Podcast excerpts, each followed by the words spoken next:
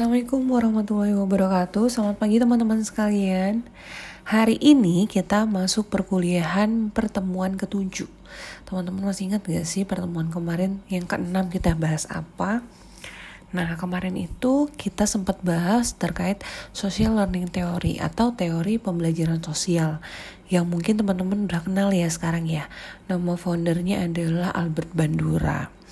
Nah, teman-teman sekalian, minggu ini kita akan masuk ke satu tingkat lebih tinggi lagi dari teori social learning, yaitu social cognitive theory. Nah, jadi social cognitive theory ini sebenarnya juga teori yang dicetuskan sama Albert Bandura.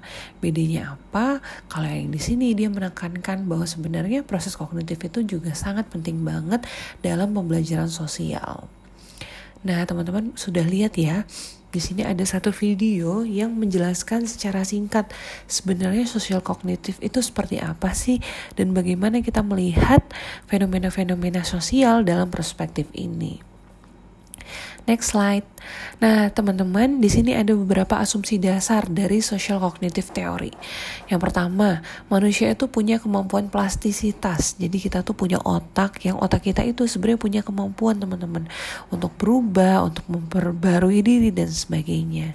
Jadi manusia itu bukanlah makhluk yang sifatnya stagnan, kaku dan sebagainya, tapi sangat fleksibel untuk berubah. Kemudian yang kedua, manusia memiliki kapasitas untuk mengatur hidup mereka sendiri. Kemudian, manusia memiliki kapasitas untuk meningkatkan kualitas hidup mereka sendiri. Manusia mengatur kehidupannya dengan dipengaruhi faktor internal dan eksternal, serta manusia menemukan dirinya dalam situasi yang ambigu secara moral.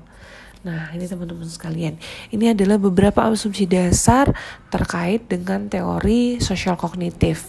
Jadi, asumsi-asumsi dasar inilah yang pada akhirnya mewarnai si teori sosial kognitif ini. Bahwa ternyata kita bisa berubah, bahwa ternyata kita bisa mengatur hidup kita, bisa ningkatin kualitas diri kita, dipengaruhi oleh faktor internal dan eksternal sampai ke kita kadang-kadang dihadapkan pada situasi yang sangat ambigu secara moral mana sih yang benar dan sebagainya misalkan seperti itu next slide nah ini adalah latar belakang munculnya teori ini teman-teman jadi basicnya teori ini tuh nggak terlalu banyak karena banyaknya teori terkait sosial kemarin sosial itu sudah teman-teman pelajari di pertemuan yang sebelumnya. Nah latar belakang teori ini yang pertama adalah Perspektif sosial kognitif ini lahir dari kritik terhadap teori behavioristik.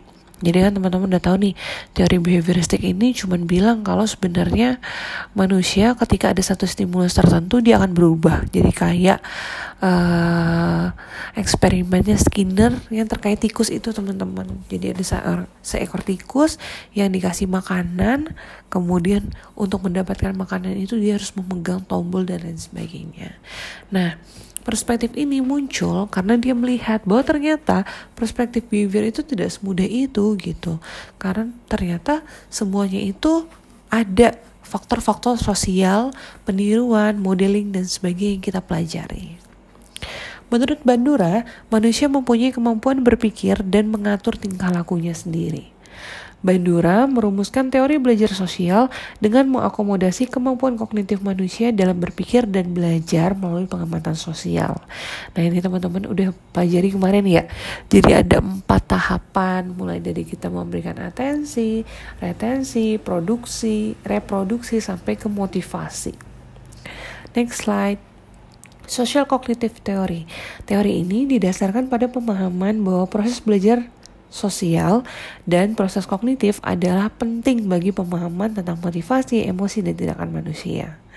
Jadi teori ini tidak hanya menempatkan manusia punya kemampuan kognitif yang berkontribusi pada kehidupan mereka, tapi juga bagaimana manusia bisa memotivasi dan meregulasi perilaku mereka sendiri dan membuat sistem-sistem sistem sosial untuk mengorganisasi dan menstrukturisasi kehidupan mereka.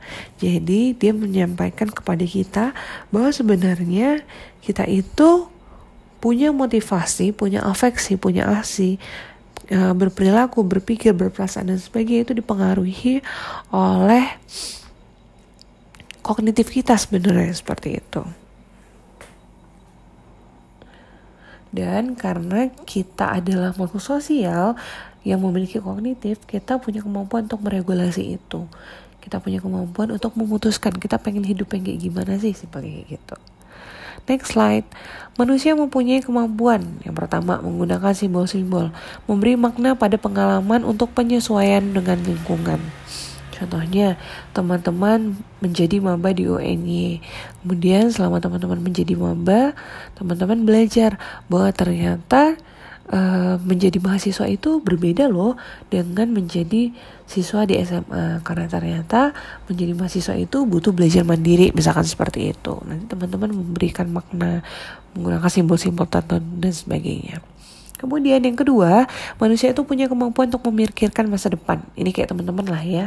Dulu waktu masih SMP mikirin mau SMA di mana, setelah SMA berpikir mau kuliah di mana. Nanti setelah kuliah teman-teman berpikir kira-kira teman-teman mau uh, kerja di mana. Jadi sebenarnya kemampuan kita untuk memikirkan masa depan ini tujuannya adalah mengantisipasi akibat dari suatu perilaku. Jadi misal nih dengan saya uh, memikirkan masa depan saya, saya mengantisipasi kalau saya pengangguran suatu hari misalkan seperti itu.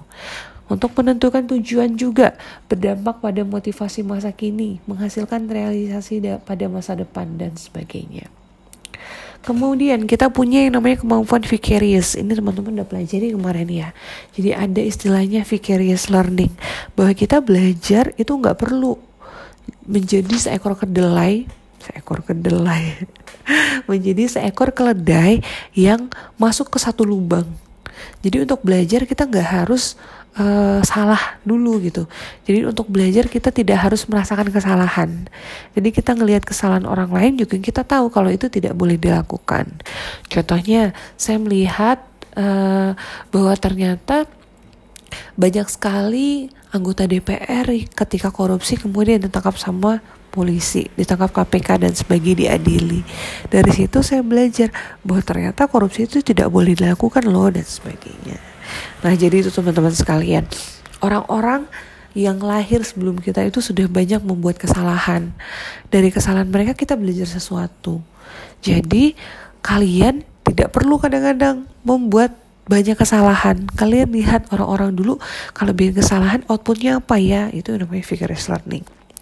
Ada juga istilah vicarious reinforcement, yaitu belajar dengan cara mengobservasi konsekuensi dari perilaku orang lain. Kalau misalkan uh, ada seorang anggota DPR yang korupsi, kemudian konsekuensi yang dia dapatkan atau reinforcementnya adalah di penjara, teman-teman bisa belajar terkait konsekuensi itu. Berarti saya tidak boleh melakukan hal yang sama. Next slide. Kemudian, manusia punya kemampuan untuk mengatur diri.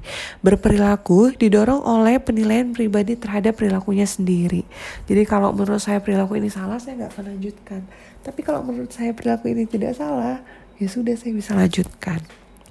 Dan yang terakhir ada yang namanya kemampuan merefleksikan diri, menganalisis atau menganalisa pengalaman-pengalaman serta memikirkan proses berpikir sendiri. Jadi, misal nih saya uh, mendapatkan nilai UTS yang tidak baik gitu. Kemudian tidak baik tuh ya saya misalkan ya nilai UTS-nya remedial. Kemudian saya mencoba merefleksikan kenapa ya kira-kira UTS saya ini bisa remedial, apa yang kurang ya dan apa yang bisa saya lakukan untuk memperbaiki nilainya misalkan seperti itu. Jadi itu ya teman-teman bahwa sebenarnya manusia itu punya lima kemampuan itu tadi. Cuman kadang-kadang kita nggak tahu, kita tidak menyadari. Kemudian kalau kita udah sadar, kita tidak mau berubah biasanya kayak gitu.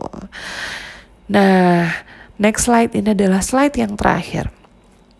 Teman-teman sering sekali ya melihat entah di YouTube atau di televisi dan sebagainya bahwa banyak sekali anak-anak kecil nih yang menggunakan kalimat asiap teman-teman tahu mungkin jadi uh, penggunaan si term asiap ini digunakan oleh Atta Halilintar ya teman-teman.